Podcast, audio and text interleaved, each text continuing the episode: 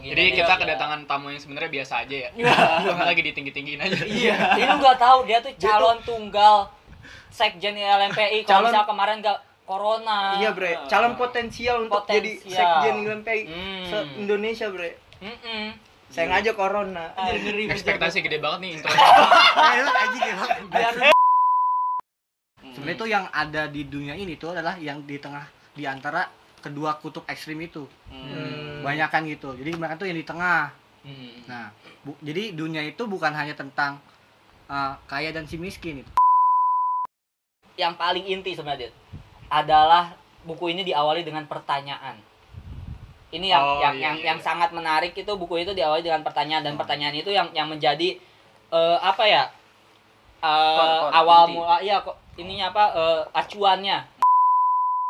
Kalau misalkan kita lihat media ini itu pasti laku kalau misalkan berita-berita bad news atau berita-berita tentang Hmm. Ah. Clickbait. Itu ada tau penjelasan psikologinya nggak sih? Ya, Nah, orang namanya lagi- Iya. Ya apa sih namanya? terror Variabelnya. management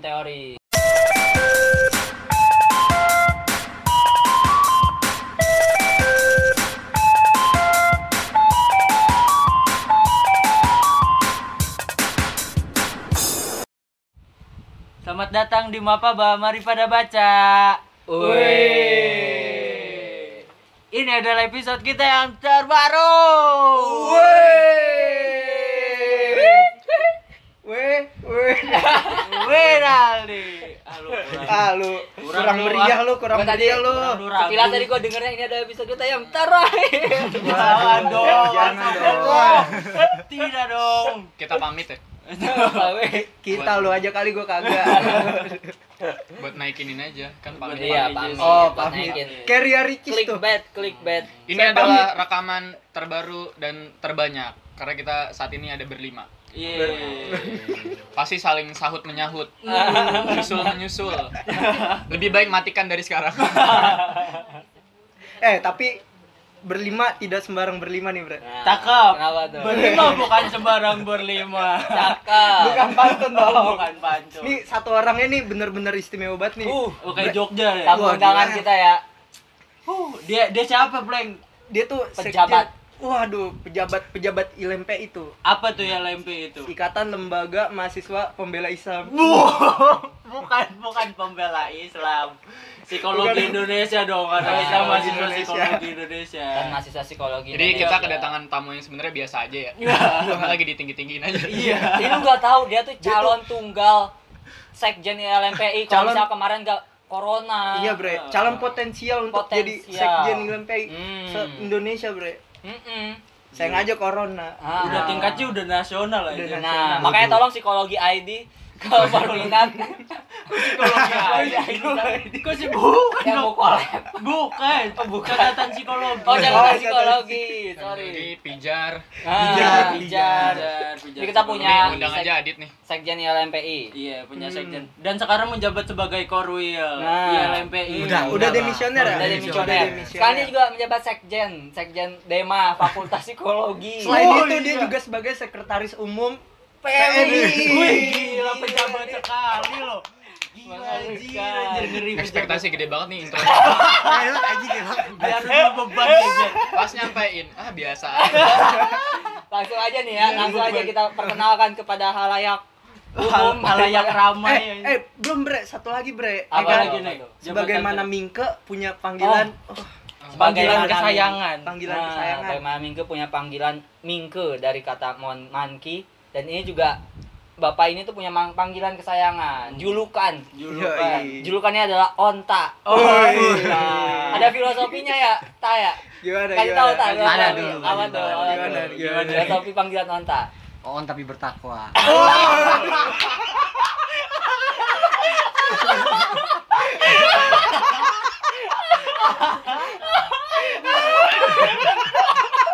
Enggak apa-apa, on yang penting bertakwa.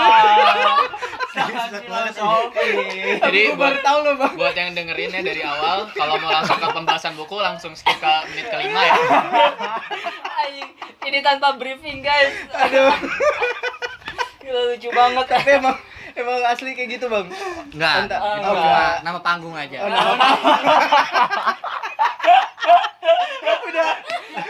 udah selesai bro. Udah yuk, udah yuk. Udah udah selesai. Eh, terima kasih sudah mendengarkan podcast ini. belum belum Belum Podcast penuh dengan internal jokes. Oke oke oke oke. Jadi Parah lu eh calon Oh, iya. di LMP, Oh, iya. ilu aja. Serius serius Dit. serius, ayo langsung aja deh. Oke, Perkenalkan. Di episode kali ini kita akan membahas buku non fiksi yang berjudul Factfulness. Uh, karya Factfulness. karya siapa dit? Karyanya Hans Rosling dan anaknya anak Hmm. dan uh, Cucunya. mema- menantunya Ah. Oh, anak menantu. Nah, Gokil ideal banget menantu. Wah. Bikin buku ya. penceritanya dong kasih kenal. Hmm, Cuma penceritanya penceritanya di sini cuma Adit ya. Karena karena Rega bukunya bukan eh, eh. Gue beli di Gramedia langsung. Dari GPU. GPU GPU, Oke, GPU kita Yahoo. berlima di sini ya. Eh, pijat urut. Gua Ilham, Gondes dan Kampleng tugasnya nanya-nanya yang kita penasaran ya. Yang jadi pencerita Adit doang. Adit dan Rega ya. Adit Dan Rega. Adit Onta dengan versi bahasa Inggris, buku ya. Nah. Rega dengan versi bahasa Indonesia. nah, Ayo bahasa kita Indonesia. adu. Kita mulai dari deskripsi singkat dong. ya, akan ada bahasa Inggris. Factfulness sih buku tentang apa nih? oh jadi mungkin Bahasa Inggris dong. jangan dong jangan dong pak ya mungkin sebelum itu kita kenalan dulu kali ya sama penulisnya dulu ya. Wih. Ya, inilah dia, Hans Rosling. Enggak, jadi Eh tapi dia lupa bawa menantunya nih. oh jadi uh, Hans Rosling ini ya, emang uh, dokter ya, jadi do- awalnya dokter dari Swedia. Oh. Nah, jadi dia tuh mendirikan uh, sebuah organisasi namanya Gapminder. Hmm. Nah, jadi itu isi isi dari uh, webnya itu adalah uh, data-data tentang uh, entah itu penyakit, tentang entah itu tentang mortalitas di dunia dan dibandingkan dengan hal sekarang itu dari dulu nih dari dari zaman ya mungkin dari zaman eh, tahun 2000 lah untuk saat uh, internet masuk itu dia udah bikin data itu di website itu namanya Gapminder gitu. Hmm.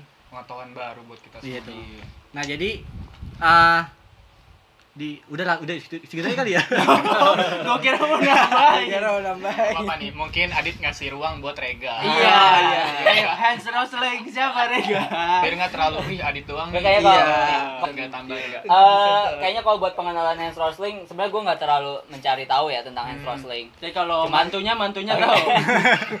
cakep pokoknya cakep cuman emang eh, apa pengetahuan pengetahuan tentang Hans Rosling itu beberapa dimasukkan ke dalam buku ini karena dia tuh menulis buku ini berdasarkan ada yang berdasarkan pengalaman dia. Jadi gaya ini gaya penulisannya tuh hampir sama kayak seni bersikap bodoh amat ya dari urutan penulisannya. Diawali sama cerita cerita yang yang mengarah ke kesimpulan yang mengarah ke poin yang ingin dia sampaikan. Setelah itu dari situ baru dia masuk ke data. Jadi gayanya tuh kayak gitu gaya penulisannya tuh. Diawalin sama pertanyaan-pertanyaan yang runtut terus masuk ke cerita. Ceritanya itu ada yang cerita cerita tentang dirinya pengalaman dia ada yang yang ngambil tokoh. Kalau di seni bersikap bodoh amat kan full tokoh ya. Hmm. full tokoh tuh ada to- to- tokoh-tokoh contoh-contoh tokoh. Tapi kalau ini tuh ada kehidupan dia sendiri. Hmm, Nah. contohnya nih gua gitu. ah ah, jadi kayak kayak nyeritain pengal berdasarkan pengalaman dia gitu. Apa yang dia rasakan. Terus setelah itu diambil kesimpulan tentang oh ini loh gitu. Dia nyeritainnya itu enggak dulu saya punya sakit ini setelah berobat ke itu gitu Klinik. Tompang. Dia gitu gitu lah pokoknya pengenalan penulisnya sampai situ aja kali ya nah Hmm. selanjutnya mungkin langsung ke buku kali ya Langsung ke buku. Buku. Oke. Ya buku ini ada 11 bab. hmm. Nah, itu intinya itu ada, ada 11 bab yang jelasin tentang apa sih ada apa sih dengan dunia ini gitu. Hmm. Nah, jadi uh, langsung pertama aja nih. Emang apa di Oh, dunia iya. ini Apa? ada? Apa di Oh jadi dunia gini, ini? ada uh, apa? jadi uh, di dalam bab satu ini nggak apa-apa kan pakai gini ya? Iya, gini? nggak iya, masalah, ya? masalah. Santai Bebas aja, kan, santai, bebas. Lu sambil joget-joget enggak apa-apa kok Dit, enggak ada yang tahu Kan ini. di judulnya juga ada ini ya, 10 alasan kita keliru tentang dunia dan Hmm. mengapa segalanya lebih baik daripada yang kita kira. Iya. Hmm. Tapi Ini. ada 11 bab, enggak 10. Ya Satunya pembukaan. Oh iya, jadi ini itu Kenapa Ini kenapa ada 11 bab dan 10 karena bab 11-nya itu adalah eh, cara mempraktekkan factfulness dalam kehidupan sehari-hari. Hmm. Jadi kayak apa kan ini tuh eh, memberikan fakta dan setelah itu ada eh, wejangan di akhir. Bagaimana cara menanggapi gitu. Ah, nah di akhirnya tuh itu gimana sih lu harus mempraktekannya di dunia kehi- di kehidupan lu tuh kayak gimana gitu Hmm. jadi nah lanjut nih dari Iya. Adit gua nama Tadi Adit, katanya mau mau nyeritain yang bab satu tuh apaan tuh? Oh, jadi bab satu ini namanya kalau di bahasa Inggrisnya ya. Namanya itu uh, gap instinct. Oh, gap. Gap. Ya kalau misalnya kita Gap lihat tuh bahasa jarak. gap itu jarak ya kan. Hmm. Nah, jadi itu uh, Enggak yang ketahuan ya, bukan gap ketahuan ya ke gap. Oh, bukan gap Bukan, ketahuan, bukan. gap jarak ya. jadi uh, Bukan gap year juga ya? Gap year, nganggur. Gap year. Gap Nah, jadi di Udah, jadi udah, yang udah, ada Udah, udah, udah. yang kita tahu sekarang adalah kalau misalkan kita lihat kalau misalkan kita bilang. Uh, orang miskin, pasti tujuan kita itu adalah orang yang paling paling miskin, bener ya? Nah, Nah, gitu. Terus kalau misalkan kita bilang orang kaya itu orang paling kaya. Hmm. Sebenarnya itu yang ada di dunia ini itu adalah yang di tengah di antara kedua kutub ekstrim itu. Hmm. Banyak kan gitu. Jadi mereka tuh yang di tengah. hmm. Nah, bu- jadi dunia itu bukan hanya tentang uh, kaya dan si miskin itu. Hmm. Tapi tentang tapi ad, ya tapi si jelek dan si cantik juga. nih Iya, pejabat lo bisa bercanda bercandain mulu dari tadi jadi tuh sebenarnya tuh yang buku ini bahas tuh adalah yang sebenarnya tuh nggak ada tuh maksudnya yang kutub miskin Hmm. itu kutub yang ekstrim itu sebenarnya itu pa- paling cuma berapa persen dari Hmm. seluruh populasi dunia tapi yang Hmm. sebenarnya itu ada di paling tengah gitu Dan- Tapi Nah. itu yang paling dibesarkan gitu ya, yang Iya, Paling- tapi paling iya. ada Hmm. satu wacana atau ide yang selalu dikembangkan di ber- apa ya yang sering kita dengar ya tentang si kaya dan si miskin tapi Ah. sebenarnya Nah. faktanya nggak kayak gitu Iya, Iya. faktanya itu sebenarnya itu faktanya tuh mayoritas itu ya di tengah gitu Tengah. dan, kita Hmm. selalu berpikir kaya miskin ya cu- cuma cuma dua kutub Tapi Kaya dan miskin. Ta- tapi sebenarnya kan sebenarnya nggak kutub kaya dan miskin itu istilahnya tuh itu ekstrim ya Ah. yang yang ekstrim itu tuh ya dikit Hmm. nggak nggak mayoritas Hmm. tapi yang mayoritas itu yang titik tengah makanya nantinya tuh di di si di buku ini Science Sourcing itu tuh eh, membagi kaya dan miskin ini menjadi tingkatan Iya. jadi Empat ada tingkatan empat, empat itu ya? tingkatan ada empat tingkatan. Empat tingkatan tingkatan satu semua gak tuh? kagak dong Iya. Nah, Nah, jadi uh, Hans Rosling ini di buku ini yang bab pertama ini bagi uh, negara-negara berdasarkan Hmm. uh, tingkat ekonominya Hmm. gitu. Jadi ada empat tingkat ekonomi nih. Karena dia emang kesel kali sama gara-gara ini maju sih? gitu, maju berkembang gitu ya. Iya, Iya. iya, karena kan kalau misalkan uh, di dunia ini pasti banyak nih yang bilang kalau ah nih dunia ini negara berkembang kayak gini-gini aja. Hmm. Tapi kalau negara maju kelihatannya kayak Singapura, kayak wah kayak kita nggak bakal bisa nggak kayak nggak bakal bisa ngejar Hmm. gitu. Hmm. Nah, tapi nih Hans Rosling ini membagi dari empat empat tingkatan. Menjadi dari level 1 sampai level 4. Hmm. Nah, Level jadi tuh- paling pedas. enggak dong disobek Level 1 ini ya kalau misalkan berdasarkan ekonomi itu paling uh, satu dolar per hari. Mm-mm. Hmm. per penghasilan. kapitanya Nah, Hmm. pendapat GDP, Ah. gross gross domestic bruto Hmm. Iya. gitu. Dari Oh suatu bruto negara. sih kan P. P GDP. Oh iya benar. Jadi itu bruto. ya nanti kita koreksi P-nya per hari, P-nya per hari, P-nya per hari, per day, per day. Iya, nah eh, tadi sebenarnya ada yang kelewat nih dari eh, penya- apa penjelasan Adit. Yang paling inti sebenarnya Adit adalah buku ini diawali dengan pertanyaan. Ini yang Oh, yang iya, yang, iya, yang iya. sangat menarik itu buku itu diawali dengan pertanyaan dan Oh. pertanyaan itu yang yang menjadi eh, apa ya?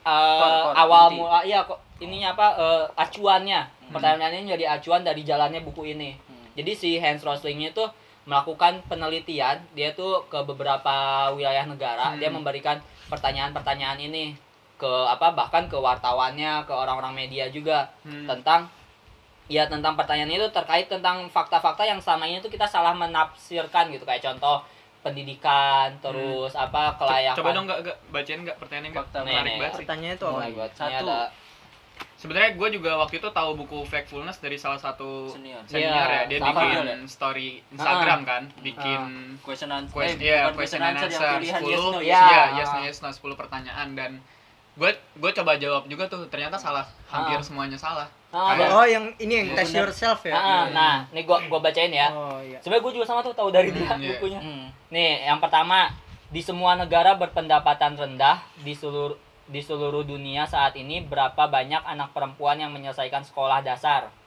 Hmm. Terus nomor duanya di mana sebagian besar penduduk dunia tinggal? hmm. Di mana? Terus nomor tiga dalam 20 tahun terakhir proporsi penduduk dunia yang hidup dalam kemiskinan ekstrim telah Misalnya, apa nih? Kalau A ada hampir dua kali lipat, kurang lebih tetap sama, C berkurang hampir setengahnya. Hmm. Terus ada berapa usia harapan hidup manusia saat ini? Dan ada 13 pertanyaan pokoknya. Hmm. Nah, salah satunya itu. Dan kebanyakan dari data yang didapatkan oleh Hans Rosling, kebanyakan orang itu emang keliru.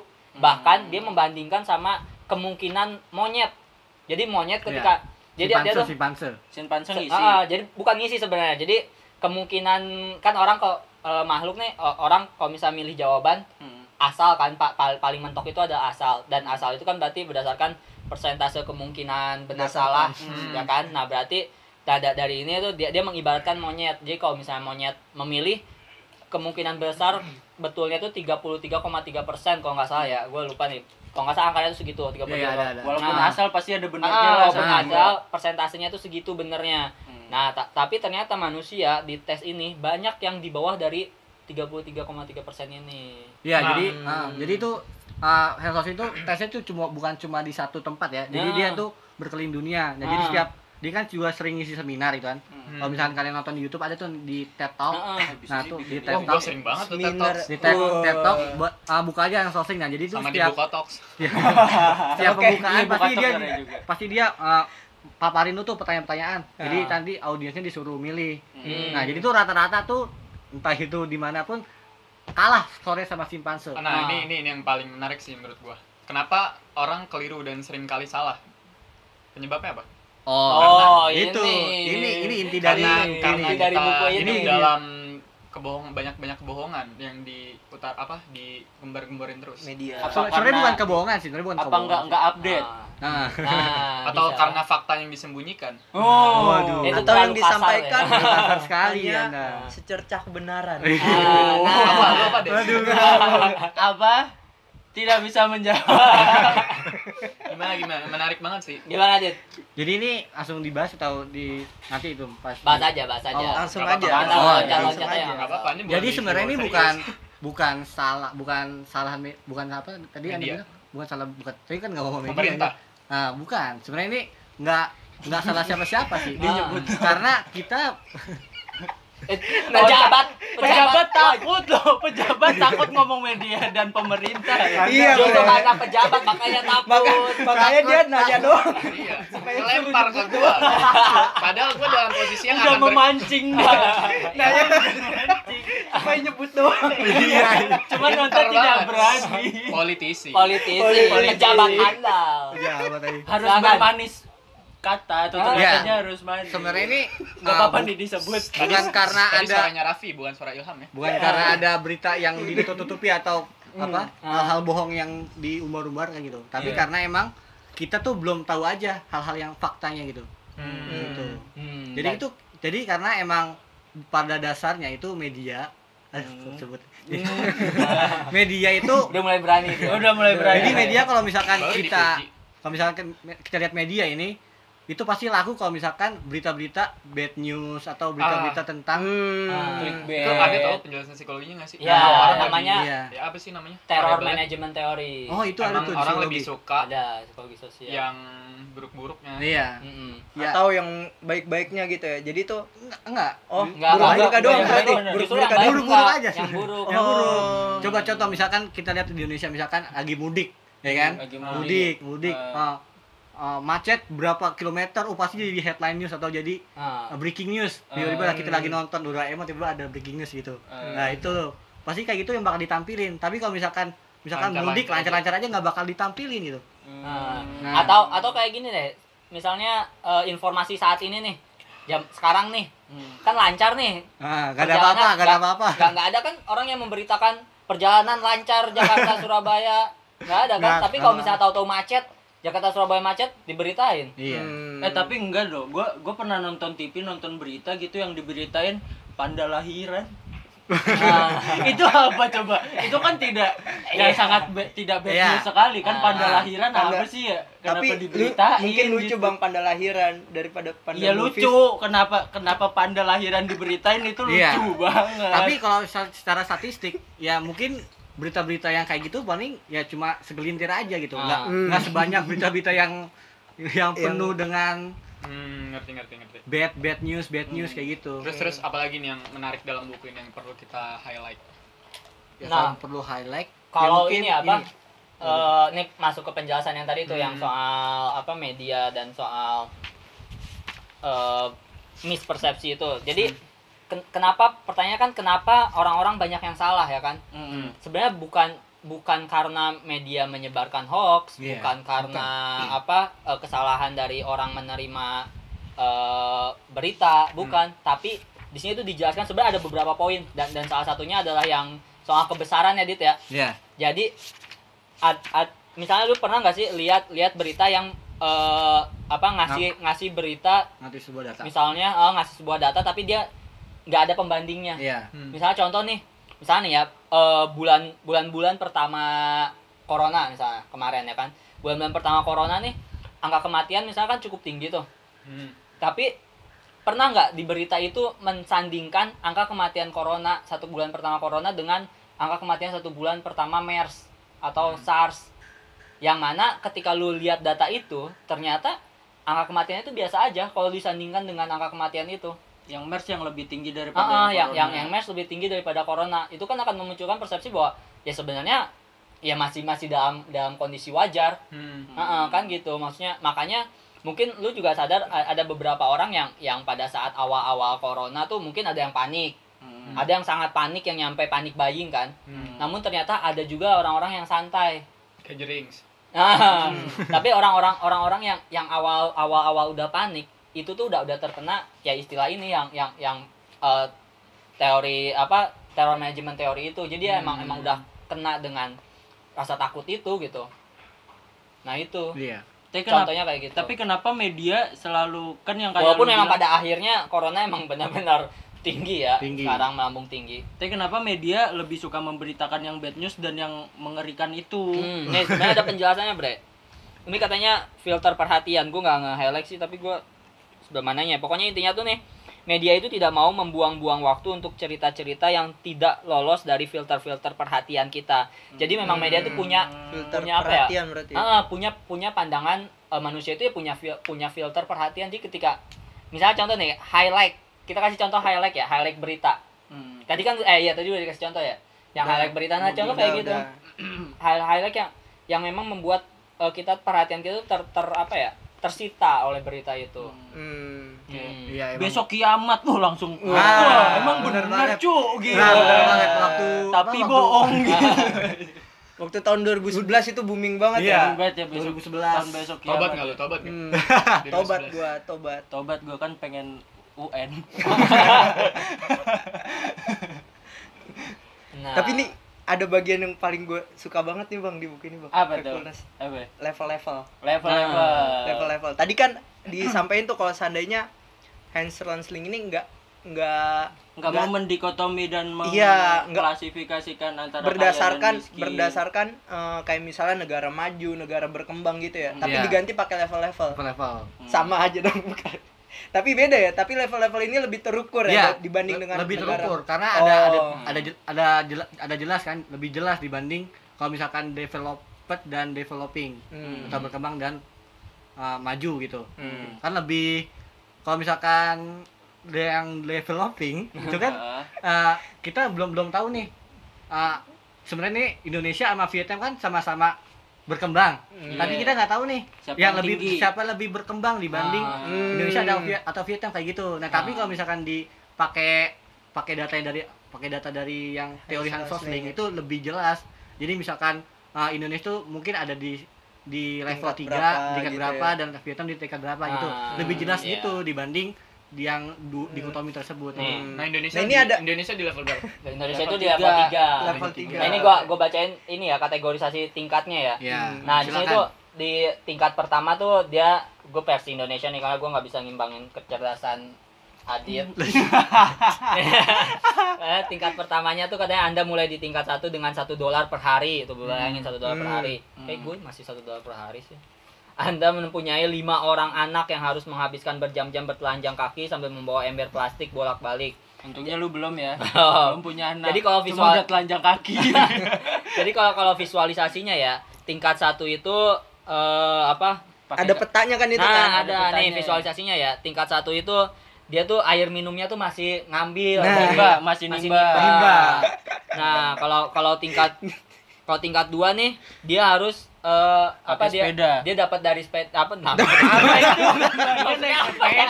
visualisasi Eh, ya bukan ini sumber sepeda. enggak itu sepeda. sumber Oh. airnya belum dekat oh masih ya jauh dia, dia udah punya sumber air tapi belum dekat tapi belum dekat Nah, Mm-mm. kok Apa? ini maksudnya nih, ini dia nih jalan kaki ini naik sepeda itu aja sebenarnya. oh iya lu lebih banget. Bedanya gue emang gue emang gak, gak jago menerjemahkan nanti yang beda ini lucu bang. Nih yang yang yang yang kedua nih eh yang ketiga dia udah punya sumber air jadi udah ada keran Oh, sumber Bre. air Udah sodeka dekat. yang keempat ini dia airnya tuh udah udah matang di keran jadi yang yang bisa langsung minum gitu kayak Oh, iya, kayak- emang luar negeri, emang luar iya jangan-jangan bedanya di kerannya nih. Nah, yang keempat kerannya lebih bagus. Yang satu kerannya besi. keran keran yang kalau dibuka tuh Nah, pokoknya kalau lu apa kalau lu beli buku itu di bagian belakang halaman belakang kalau buat Indonesia kalau buat yang bahasa Inggris itu di halaman depan. nah ini ada ini ada lagi nih. Apa nih kompor ya nah ini beda lah level 1 gimana nih lah lo. lo kan apa nih apa nih ini kan nggak ada Enggak ada Oh, visualnya iya. orang-orang Nah, ini, tahu. ini, ini apa nih kok masalah kompor nih kompor sama tempat tidur menarik nih bang Ya, tapi kalau tapi kalau yang paling juga. jelas enggak tuh dulu bre yang paling jelas sebenarnya di ini di transportasi ya Di Hmm, transportasi itu paling transportasi. jelas jadi kalau yang pertama itu dia enggak transportasinya masih jalan kaki. Hmm. yang kedua itu dia Naik naik sepeda. sepeda, Naik sepeda. rata-rata penduduknya naik sepeda. Yang ketiga itu na- pakai kendaraan bermotor pakai Hmm. motor. Yang keempat itu dia pakai mobil. Eh, Yang Hmm. kelima nggak ada Belum ada. berarti berarti kita tuh dari level kita kan level 3 ya? Ah. Berarti kita pengen turun ke level 2 tuh. Kan Oh, banyak lagi. yang naik sepeda. pinter Udah, lu. iya, Bre. Eh, keren jokesnya keren. Keren, Boleh, keren, boleh. keren, keren. Berarti, Lagi emang- musim berarti emang penduduk lagi menggerakkan ini betul menurunkan Menurunkan menurunkan level dulu dua. ekonomi ke level 2 bre itu pada itu baca pada baca factfulness gue yakin iya tujuannya memang ini bre inflasi oh. terus yang tempat tidur menarik nih bre nah, nah jangan ini tingkat semua, tingkat satu. ini lucu banget pres asli Yang tempat tidur. Yang tempat yang tidur. yang yang pertama ini kayak secret ya level Nah. satu. Secret Level satunya level satunya pakai tikar. Level 2 nya kasur Pakai kasur cuma Bawahnya. kakinya kakinya pakai batak. Kakinya pakai batak? ini visualisasi ya kayak tempat tidur jadi tuh kakinya ditopang sama batako ya Mm. sama batako yang ketiga nih kayak gini nih kayak kasur arega Kayak Gua- gini kan gak ada yang tahu aja. gue emang level 3 banget bre Indonesia banget iya jadi tuh nggak pakai kaki ya bener-bener ngedeprak di Ah. lantai. Hmm. yang keempat nih kakinya pakai kaki gunung Waduh. Waduh. tapi kita bisa juga bang kalau tadi kan Indonesia tuh bisa turun tuh dari level 3 ke level 2 kasur arega juga bisa dong Tinggal kasih batako. Jadi level 2. nah nanti mungkin kita sajiin juga ya da- si data ini di Instagram kali ya Di data Instagram, kali ya. boleh, boleh. Kayaknya bisa tuh bikin tebak-tebakan tuh. kita ini podcast pendidikan jam bercanda mulu Ah, iya, benar benar. eh udah pendidikan kerja sama sama Gramet loh Wah. Jangan-jangan jangan. gitu Aja bercanda. itu sih menurut gua yang paling menarik yang buat gua terkesima pertama kali baca buku ini adalah data ini sebenarnya data ini benar-benar kayak Yang pembagian negara itu. ya Hmm. pembagian negara berdasarkan tingkatan nih di sini tuh eh, kalau gua gambarin ya Hmm. gua coba gambarkan di sini tuh ada peta peta du, peta di mana di situ tuh ada eh, apa sumbu x sama y sumbu x nya itu tentang apa nih 55 ini apa ya Dit ya Kesehatan ini ada Oh nih. iya, nih, kesehatan. sehat Oh iya, benar. Lu ah, Semakin di atas semakin semakin oh iya semakin oh udah deh udah jelasin sumbu y lebih tahu moderator. Sorry guys. ke mana-mana ya kan? Sumbu sumbu y ini sehat dan sakit. Jadi nah simbolannya sumbu, apa tuh gak sumbu x itu miskin dan kaya. Jadi semakin semakin atas semakin atas itu Sehat. sehat. semakin bawah itu tingkat sakitnya. Hmm. Nah, kalau sumber- kanan kayak nah Hmm, semakin kaya berarti ini kaya. paling itu Jepang ya? Eh Singapura ya? Paling kaya Wah. itu Qatar bre. Par- paling kaya Qatar sehat. tapi paling sehat. sehat. Jepang ya? Paling sehat Jepang dan Singapura. atas tuh siapa? Singapura iya Luxembourg. Singapura sama Negara- Jepang nih. negara kecil ya Luxembourg. karena emang Eh, kecil Pasti banget sama kamarnya Rega gedean kamarnya Rega. pasti karena yang pembandingnya tuh sama ini bre populasi Oh, Oh, yang yang yang merah-merah ya. gede ini apa nih? populasi itu daerah oh, wilayah populasi. wilayah Asia oh ya Asia Hmm. juga Hmm. Terus oh itu benua ya benua ya Iya, Paling benua. kiri bawah adalah Somalia. ini ada lagi nih Bre. ada Afrika, Afrika Republik Tengah Afrika. Afrika Tengah Wah Afrika ini Tengah ada dokter Kongo Republik. Somalia ini banyak perompak ya. Ah. ada Monkey D. Luffy juga di situ dan Banyak Indonesia tuh kalau dari data ini Indonesia tuh ada di Ada lumayan peringkat loh. ketiga Indonesia loh. Iya. Hmm. sedangkan Vietnam yang tadi Adit kasih contoh tuh dia ada di peringkat dua ya Peringkat ya? dua. lumayan lah kita tuh termasuk di tengah-tengah yang Ah. sehat Ah, Tapi Sehat, ada sehat ada ini aja, sih ya. yang menarik lagi nih gue Yang nanya. kayak aja. apa tuh Ini kan ada tabel yang tahun 2040 ya. Ini maksudnya apa? Itu Itu prediksi, prediksi. Oh, Hmm, kita ada di mana? 2040? prediksi kita Dit prediksinya Dit di sini yang di level 1 nih. Konor. nih kalau ini tuh kalau ini kan merah-merah ini ternyata benua ya? Ah. iya. Oh yang kalau merah kalau biru apa tuh? Eropa. Eh biru. Afrika. Afrika, oh.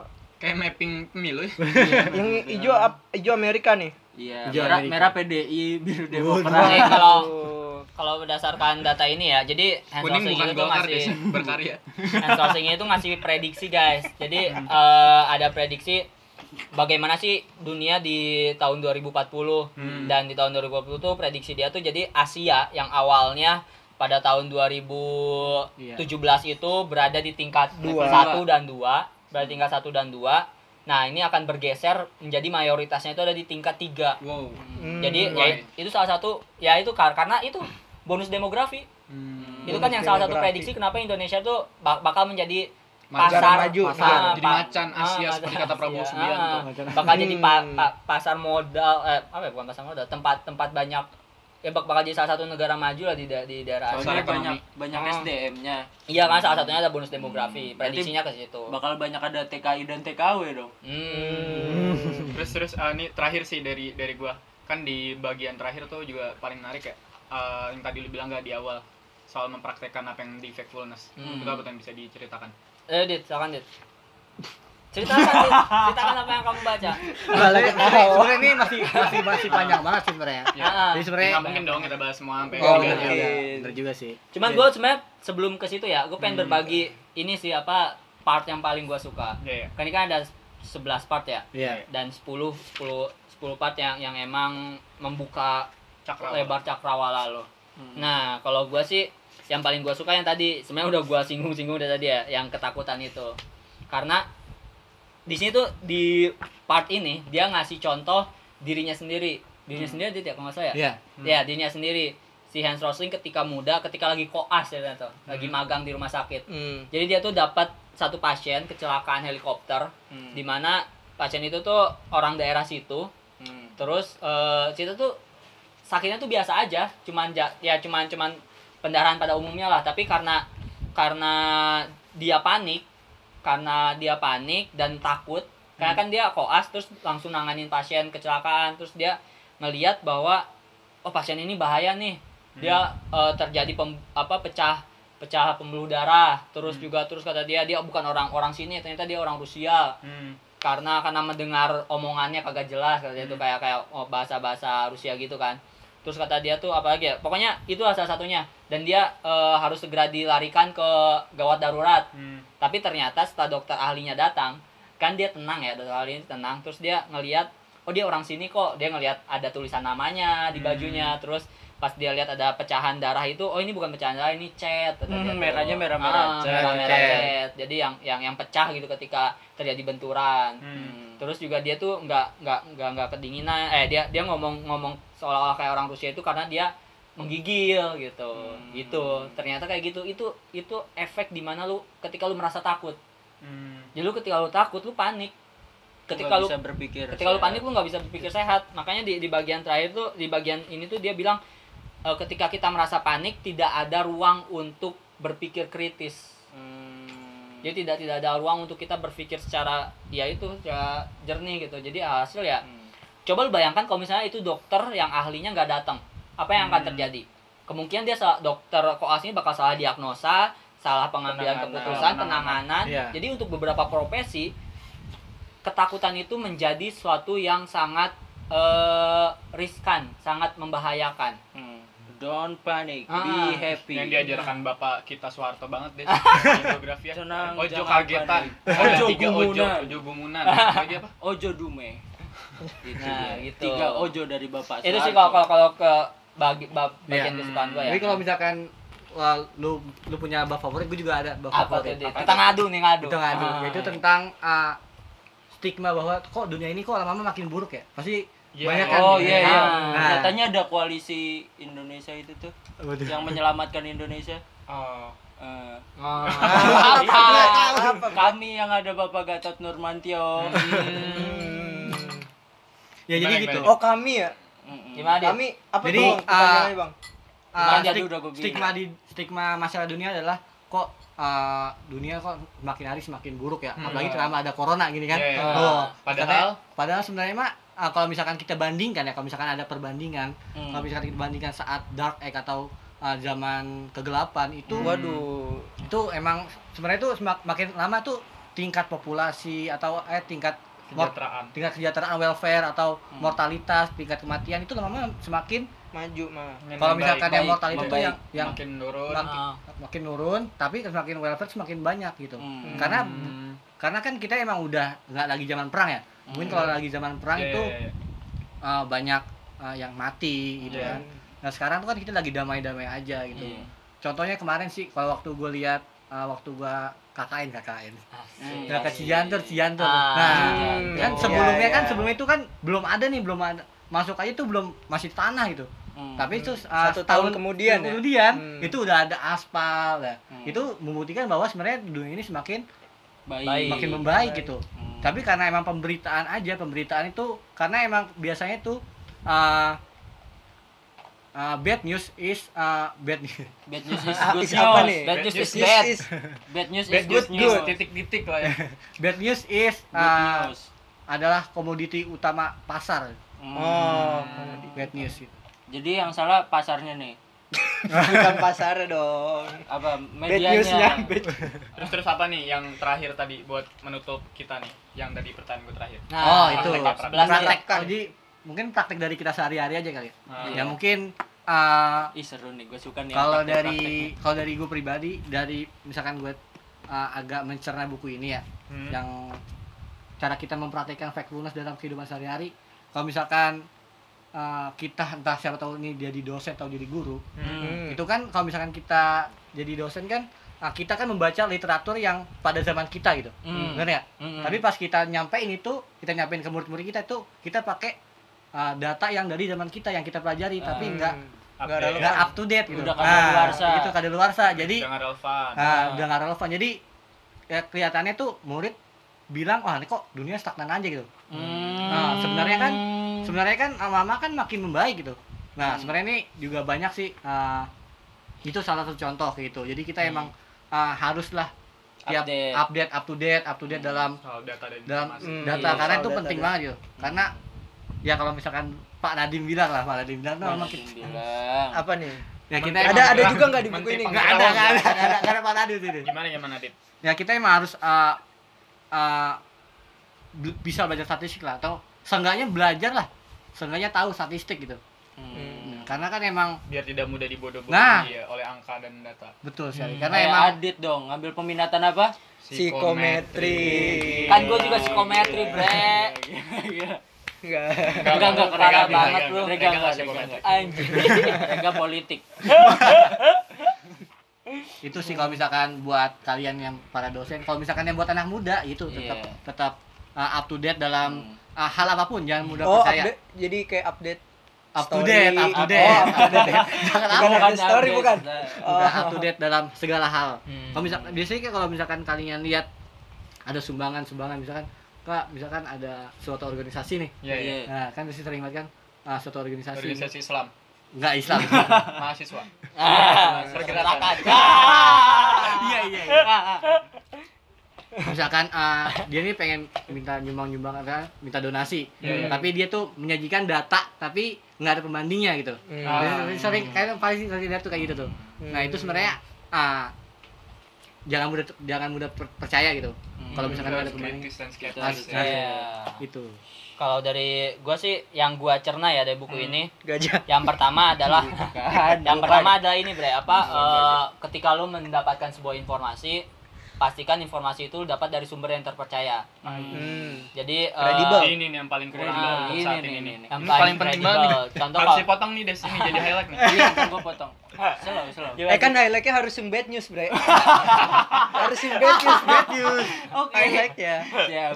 bad newsnya adalah Harus Indonesia kurang dong. sumber terpercaya mungkin itu terus terus gak terus gak Nah, yang pertama itu kita harus eh, pintar-pintar memfilter sumber kita. Jangan sampai sumber dari grup WhatsApp keluarga lu share, Hmm. lu jadiin salah satu acuan hidup lu. Wah. Hmm. Bahaya sekali Iya, itu. banyak sekali kan itu. Terus itu kan nggak nggak jatuh sumbernya. Setelah itu yaitu tadi bandingkan datanya. Ketika lu dapat satu data, jangan jangan puas dengan satu data, tapi cari data yang lain, Iya. pembandingnya. Hmm. Setelah itu eh, rata-rata. Jadi ya nilai, Ya. nilai rata-rata. Ini ada sa- satu yang tadi Min, yang min, ah, minnya. Jadi kita selalu terjebak dengan angka rata-rata. Hmm. Jadi apa ya? Ya intinya tuh ketika kita menemukan angka rata-rata, kita kita jangan jangan langsung menerima angka rata-rata itu sebagai jangan langsung menilai angka rata-rata itu. Contoh kayak misalnya ini besar banget, ya kan? Pas lu lihat rata-ratanya 120. Kok ini besar banget? Hmm. Ya kan? juga range-nya gitu ya. Ah, ah, lu harus lu harus telah lagi nih rata-ratanya dari mana ke mana gitu. Hmm. Kayak gitu. Hmm. Gitu sih. Rega anak psikometri banget. Wih, keren Adit Ah, Keren, keren Adit banget. emang keren banget Tawadu, psikometrinya tawadu. terpakai banget psikometrinya Adit Ini ada satu contoh gede sih gak menurut gua gak soal data dan fakta statistik ya Ah. yang penelitian tentang minat baca oh iya Ah. itu kan sering sering Ih, itu dijadikan Oh, benar, benar. sering Iya, iya. dijadikan sebuah uh, pemikiran Hmm. kalau di Indone- orang Iya. masyarakat Iya. Indonesia tuh Masih minim baca ya minim masih. baca. Padahal sebenarnya ada fakta lain gitu dalam Ah, penelitian itu iya, yang iya, iya, yang iya. jarang disampaikan gitu. Cuma Nah. mau bilang kalau orang Indonesia jarang malas baca padahal nggak kayak gitu hasil Ah. telaahnya tuh. Pokoknya ini harus Kita tuh peringkat ke berapa? 60 62. Nah, dari itu kan 63 narasi- ya? Itu kan narasi yang selalu diulang-ulang kan. Ah. 62 dari 63. Padahal ada detail-detail penelitian yang jarang banget diungkapin. Ah. Kalau itu misalnya kurang sam- sampelnya kurang mewakilkan, Ah. terus sebenarnya juga definisi di situ beda dengan yang di sini Oh, gitu bacanya. Hmm. Ya, kok ini gua tambahin ya, Am ya. Nah, Jadi setelah gue baca buku Factfulness-nya itu, gue juga penasaran tuh sama data itu yang sering Hmm. diucapkan berulang kali sama banyak orang lah. Akhirnya gue lihat website yang mempublikasikannya, ya kan.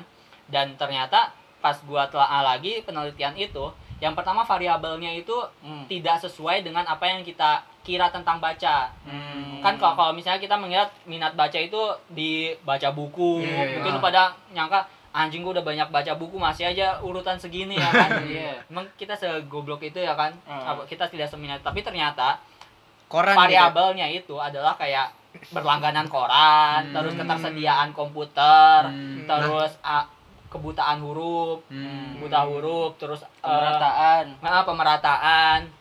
Dan itu juga perbandingannya tuh dengan wilayah. Oh. Jadi kondisi Indonesia memang menurut gue cukup spesial ya, di mana kita memiliki wilayah yang sangat Besar. besar dan juga pulau-pulau ya kan berbentuk pulau-pulau yang menyebabkan ya ada kesenjangan apa akses. akses ya kan jadi ya ketersediaan komputer coba lu bayangin banyak sekali emang keter- ketersediaan komputer di Indonesia emang belum merata gitu Hmm. jadi acuan itu bukan cuma ke buku, tapi Oh. itu selebar itu dan juga datanya itu tidak di, di, didapatkan data yang pada saat itu, Hmm. tapi berdasarkan data yang sudah pernah diperoleh. Hmm. Oh, Jadi iya, contoh eh, dan data yang dihasilkannya juga sumber datanya pun bukan cuma dari satu satu sumber, tapi dari berbagai sumber. Jadi kenapa? Tapi kenapa datanya digunakan dan valid? Karena eh apa namanya? Karena si sumbernya ini tuh menyesuaikan dengan jumlah negara. Jadi contoh misalnya ya, contoh contoh misalnya gua eh, data Indonesia sumbernya dari PBB. Hmm. Nah, kalau ternyata di negara lain juga sumbernya dari PBB, maka data itu bisa digunakan. Hmm. Contoh, misalnya tahunnya tahun 2016, kalau yang lain juga tahun 2016 berarti bisa digunakan datanya kayak gitu. Hmm. Berarti itu lebih ke penelitian itu lebih ngambil variabelnya itu sebagai dimensi ya. Maksudnya kayak misalnya dari variabel yang diteliti nih. Hmm. Kayak misalnya gue tuh susah tuh ngaitin hubungan antara ke komputer, Ah. buta huruf dengan Baca. minat Baca. baca gitu. Ah. Jadi itu yang diteliti bukan bukan orang-orang yang membacanya gitu tapi Hmm. melalui dimensi itu ya kayak Ah, ah. fasilitasnya mungkin Ah. kita menganggap eh, mungkin ketika lu mendengar ini ya atau misalnya melihat datanya kita menganggap bahwa ini data yang salah besar penipuan publik atau kayak gimana tapi Hmm. sebenarnya data ini valid dan Hmm. juga data ini memang ini tidak salah tidak hoax ini tuh data yang kita yang salah menerima Ah. hmm. Jadi Hmm. ki- kita Benar, yang salah menerima mem- kita salah mempersepsikan data ini kita sa- salah membaca datanya Hmm. Ki- kita menganggap data ini sebagai apa yaitu data eh, minat baca tapi sebenarnya bukan ke arah situ Oh. gitu Iya. sebenarnya sederhananya kayak gitu Iya, Dit keren Ini banget langsung nih, ada Keren praktek banget, langsung kita ketemu Adit langsung ada praktek buat Iya, Factfulness. anjir gila, keren banget tadi apa? kalau nggak ada Adit nggak tahu tuh cara membaca data yang benar kayak tadi tuh gila Adit keren banget lah. Udah u- udah cocok dah jadi sekjen di LMPI ya Adit dah. parah gua dukung Parah. Itu jadi sekjen FPI Hmm, nggak apa-apa juga dong kalau mau jadi. Ya udah di penghujung episode nih. Udah hampir sejam. Kita akhir ini bersemangat banget ya Eh, terakhir, Iya. terakhir lupa coy. Kenapa harus baca buku ini? Oh iya cu. Oh, iya. Iya. Kalau rating. kalau nyari nyari buku ini kan gampang banget ya. Iya, gampang. gampang. Buku Iya. selalu ada di depan nih. Iya, di Kenapa dia. singkat dong? satu menit, rating satu dan kenapa kita harus baca buku ini ratingnya 9 Why? kenapa ka- karena emang ini keren banget sih emang ini keren banget ratingnya 9 Gila karena ini keren banget. Uh, uh. Eh, kalau misalnya kenapa harus baca buku ini? Ya lu untuk untuk lu apa mempelajari dunia ya buku ini yang paling pas. Hmm, Agar lu tidak tertipu sama data dan segala macamnya gitu. Lu dit, lu dit, kenapa Kalau dit? gua, Rating, kalau- rating lu. Ini ratingnya kalau misalkan pakai Goodreads ya, pakai Iya, pakai lu aja enggak usah. Pakai lu aja, nggak usah Nah, kalau Goodreads. pakai Goodreads. Nggak, yang manggil nggak, lu? nggak, maksudnya pakai pakai standar Goodreads ya. Oh, oke oke Iya. oke. Ya, Satu mungkin sampai lima. empat lah, empat. Wih. Hebat. Oh, satu Oh, sampai lumayan lima. lah. Kalau satu Sampai sampai 10? 10 Sepuluh mungkin sembilan. Sama kayak Rega. Nah, tas dulu dong. Kenapa? Kenapa dit? Tas dulu. Ya, karena- sembilan kan. Ah, buat kaum kaum utopis ini adalah buku pembenaran. gitu. Anjir, kaum kaum Ini jawaban utopis. terbaik Udah nih, dari aduh. 40-an episode kita nih. Gila, keren karena ada kata utopisnya. utopis, utopis, utopis biar keren. Udah tutup aja, Des. Ya, terima kasih kepada semua yang telah mendengar dari awal sampai akhir kalau ada Jangan lupa follow IG dan Spotify-nya. at Adit. Mari pada baca. Iya. IG-nya Adit kalau mau di-follow. apa Apa Adit? kan ganti Detoxification 101. Wah. Susah sekali namanya. Itu Ya, sampai berjumpa lagi di episode terbaru kita. Selamat mendengarkan. Selamat membaca. Terima kasih.